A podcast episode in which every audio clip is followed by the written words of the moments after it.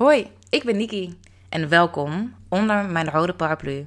De podcast waarin ik je graag meeneem op avontuur naar de wondere wereld van sekswerk. Want seks is namelijk heel leuk, maar soms is het ook gewoon werk. En hard werken ook. Maar daar lijkt soms nogal wat verwarring over te zijn.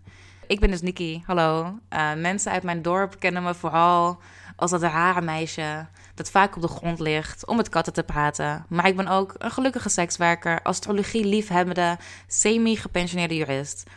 En ik hou van praten. Dat kan ik alleen best heel erg goed, maar ik doe dit het liefst wel met andere mensen. En als het even kan, over een van mijn favoriete onderwerpen: sekswerk. Iedereen heeft namelijk een mening over sekswerk. Maar waar komen die meningen vandaan? En waarom zijn ze zo diep geworteld?